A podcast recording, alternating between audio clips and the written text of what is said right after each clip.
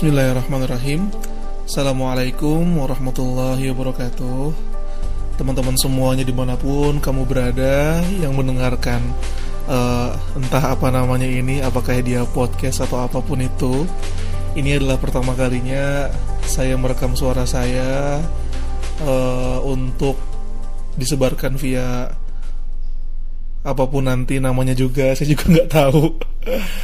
Jadi teman-teman semuanya Selamat malam dari Madinah. Nama saya Muhammad Edgar Hamas Dan ini merupakan kesempatan yang saya siapkan sejak beberapa waktu lalu.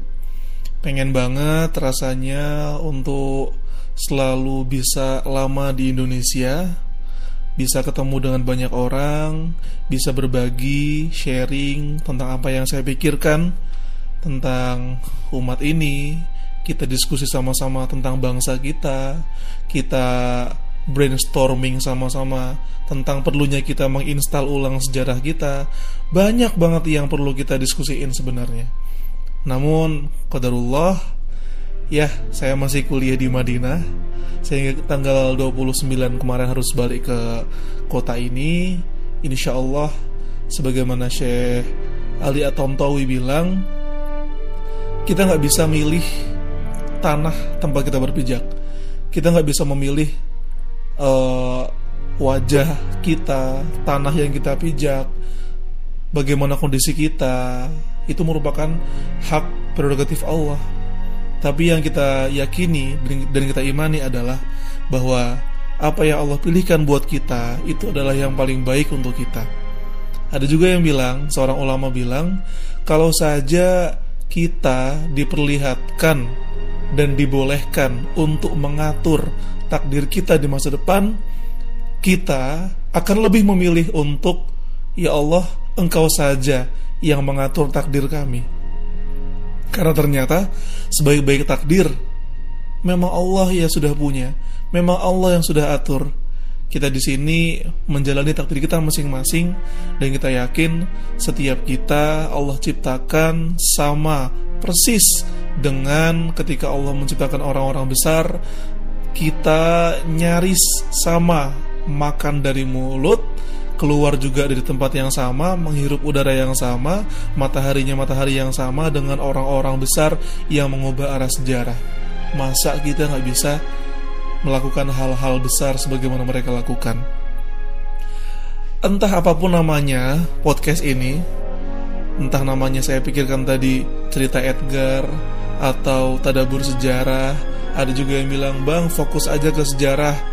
Ya, nggak bisa fokus juga. Sebenarnya saya bikin cerita aja di sini.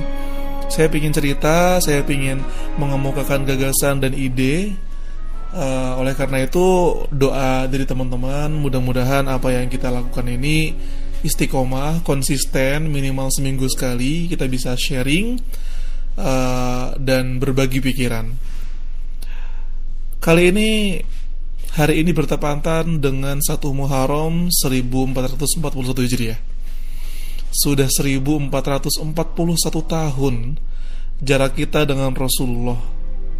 Bayangin aja itu itu panjang banget. Saya pernah ngitung, iseng. Sebenarnya bukan iseng, tapi untuk membuat visual.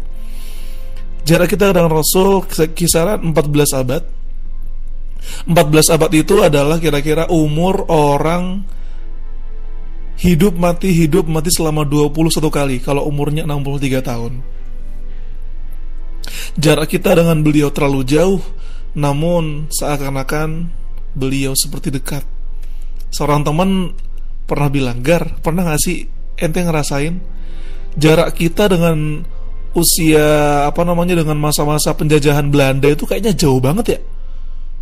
Belanda tahun 45 hengkang dari Indonesia kemudian kita merdeka tahun 45 juga Soekarno mendeklarasikan di jalan Pegangsaan Timur kemudian ada agresi Belanda pertama dan kedua. Rasanya antara kita dengan masa sejarah itu tuh jauh banget tapi entah kenapa, apakah ini saya yang merasakan doang atau emang teman-teman juga ngerasa? Jarak kita dan Rasulullah itu seakan-akan ya nggak terlalu jauh. Inilah keberhasilan para ulama kita. Dan juga memang janji Allah bahwa Allah mengabadikan nama Nabi Muhammad sehingga kita menyebutkan namanya setiap hari minimal 17 kali dalam sholat kita, dalam salawat kita, dalam doa-doa kita, dan pula dalam buku bacaan kita, dalam buku yang kita baca, dalam stiker yang kita lihat, dalam segala ceramah yang kita dengarkan, pasti ada wassalatu wassalamu ala sayyidina wa habibina Muhammad. Nama itu mulia, diagungkan, dimuliakan oleh langit dan bumi. Terasa dekat. Dan kalau kita merasa dekat dengan beliau, kalau kita sering sekali menyebut nama beliau, Tidakkah kita malu kalau kita tidak mengheningkan cipta sejenak untuk mentadaburi makna yang lebih dalam dari hijrah itu? Ali bin Abi Thalib dengan gagahnya yang mengusulkan pada Umar bin Khattab, "Wahai Umar, ini lagi ngumpul nih." Saat itu Abu Musa al-Ash'ari sebagai gubernur di masa Umar bin Khattab datang ke Umar bukan datang sih. Nulis surat ke Umar. Mohon maaf. Nulis surat bilang ke Umar mohon maaf wahai khalifah. Aku ini bingung gimana cara bedain surat-surat tahun sekarang tahun kemarin dan tahun kemarinnya lagi. Karena tanggalnya sama bulannya sama tapi tahunnya nggak ada. Uh, karena uh, keluhan dari Abu Musa ini akhirnya Umar ngumpulin para punggawanya para majelis syuronya yang terdiri dari orang-orang hebat tentunya. Ali bin Abi Thalib Abdurrahman bin Auf Utsman bin Affan Sa'ad bin Abi Waqqas orang-orang hebat berkumpul untuk memusyawarahkan kira-kira kita pingin banget nih buat kalender. Tapi dimulai dari peristiwa apa? Dimulai dari momentum apa nih? Ada yang bilang dimulai aja nih ketika Nabi Muhammad lahir. Ada yang bilang dimulai aja ketika kita memenangkan perang Badar. Tapi kemudian Ali bin Abi Thalib babul ilmi pintunya ilmu dia bilang hendaknya kita memilih peristiwa hijrahnya Rasul sebagai titik mula the turning point awal mula penanggalan kalender kaum muslimin sedunia dalam hijrah itu Syekh Musa Syarif beliau bilang mengapa dipilih hijrah sebagai titik mula penanggalan Islam? Karena hijrah itu mencerminkan uh, produktivitas intaj. Bagaimana seorang muslim memulai tahunnya dan menamakan tahunnya dengan hijrah pergerakan movement dengan tekad dengan visi dengan perencanaan? Karena Hijrah ini erat kaitannya dengan sebuah usaha yang maksimal yang terdiri dari dua faktor utama. Hijrahnya Rasul dan Abu Bakar itu adalah perpaduan antara perencanaan yang matang dan tawakal yang total direncanain dari mulai awalnya dari rumah Abu Bakar harus ada orang yang ngatur makanan, harus ada orang yang ngatur gimana caranya jejak Nabi sama Abu Bakar kagak uh, kelihatan dan tidak terdeteksi oleh orang-orang kafir Quraisy. Gimana caranya milih tempat yang paling bagus buat bersembunyi sebelum ke Madinah. Aslinya jarak antara Makkah ke Madinah itu langsung aja jalan ke utara, tapi Rasul dan Abu Bakar malah jalan ke selatan dulu, baru ke utara. Sebagai bagian dari taktik yang sempurna taktik yang hebat, taktik yang sangat terencana, sistematis.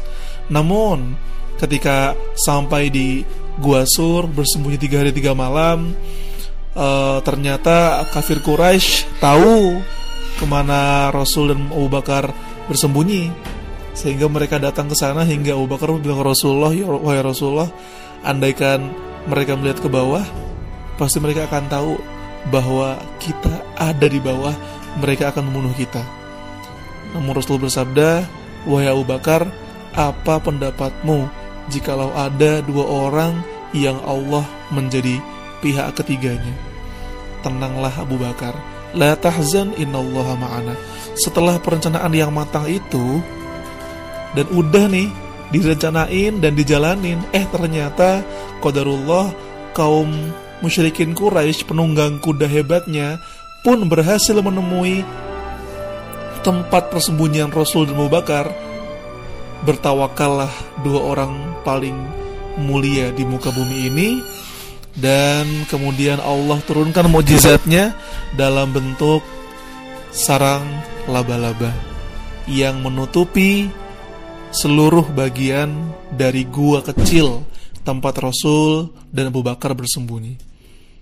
Apakah ini apa bagian dari rencana Rasul? Ini di luar rencana Rasul.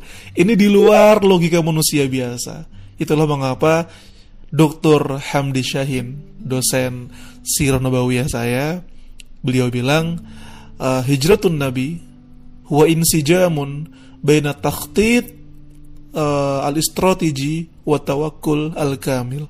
Perpaduan indah antara taktik strategi yang jitu dengan tawakal yang total. Begitulah seharusnya muslim. Kita dianugerahi oleh Allah contoh yang paling baik di antara contoh-contoh yang ada. Rasul adalah manusia dan beliau memberikan teladan merencanakan segalanya dengan matang. Kalau kamu membuat resolusi, buatlah resolusi dengan detail dan dengan cermat apa yang perlu kamu lakukan dan apa yang perlu kamu tunda, apa yang jadi prioritas kamu dan apa yang perlu kamu tu apa namanya uh, jadikan prioritas kedua. Setelah kamu rencanakan dengan matang, dengan detail, sambung dan iringi dengan doa kita, dengan tahajud kita, dengan ibadah kita, karena manusia dengan usahanya namun dia menihilkan tawakal pada Allah, dia sombong. Namun manusia, dia bertawakal tapi tanpa usaha, itu bodoh. Muslim adalah dia yang memadukan antara perencanaan yang matang sekaligus tawakal pada Allah. Ya, itu buat memulai. Mudah-mudahan ke depan kita bisa sharing lagi, tukar pikiran lagi dengan apa pun babnya, apa pun bahasannya, bisa tentang kondisi Indonesia, bisa tentang berita terkini, bisa tentang tadabur sejarah, bisa tentang sesuatu yang memang lagi saya pikirin. Ya, ala kulihal tujuan kita semata-mata untuk mencari ridho Allah dan mudah-mudahan Allah berkahi kita semuanya dalam segala rangkaian amal kita. Wassalamualaikum warahmatullahi wabarakatuh.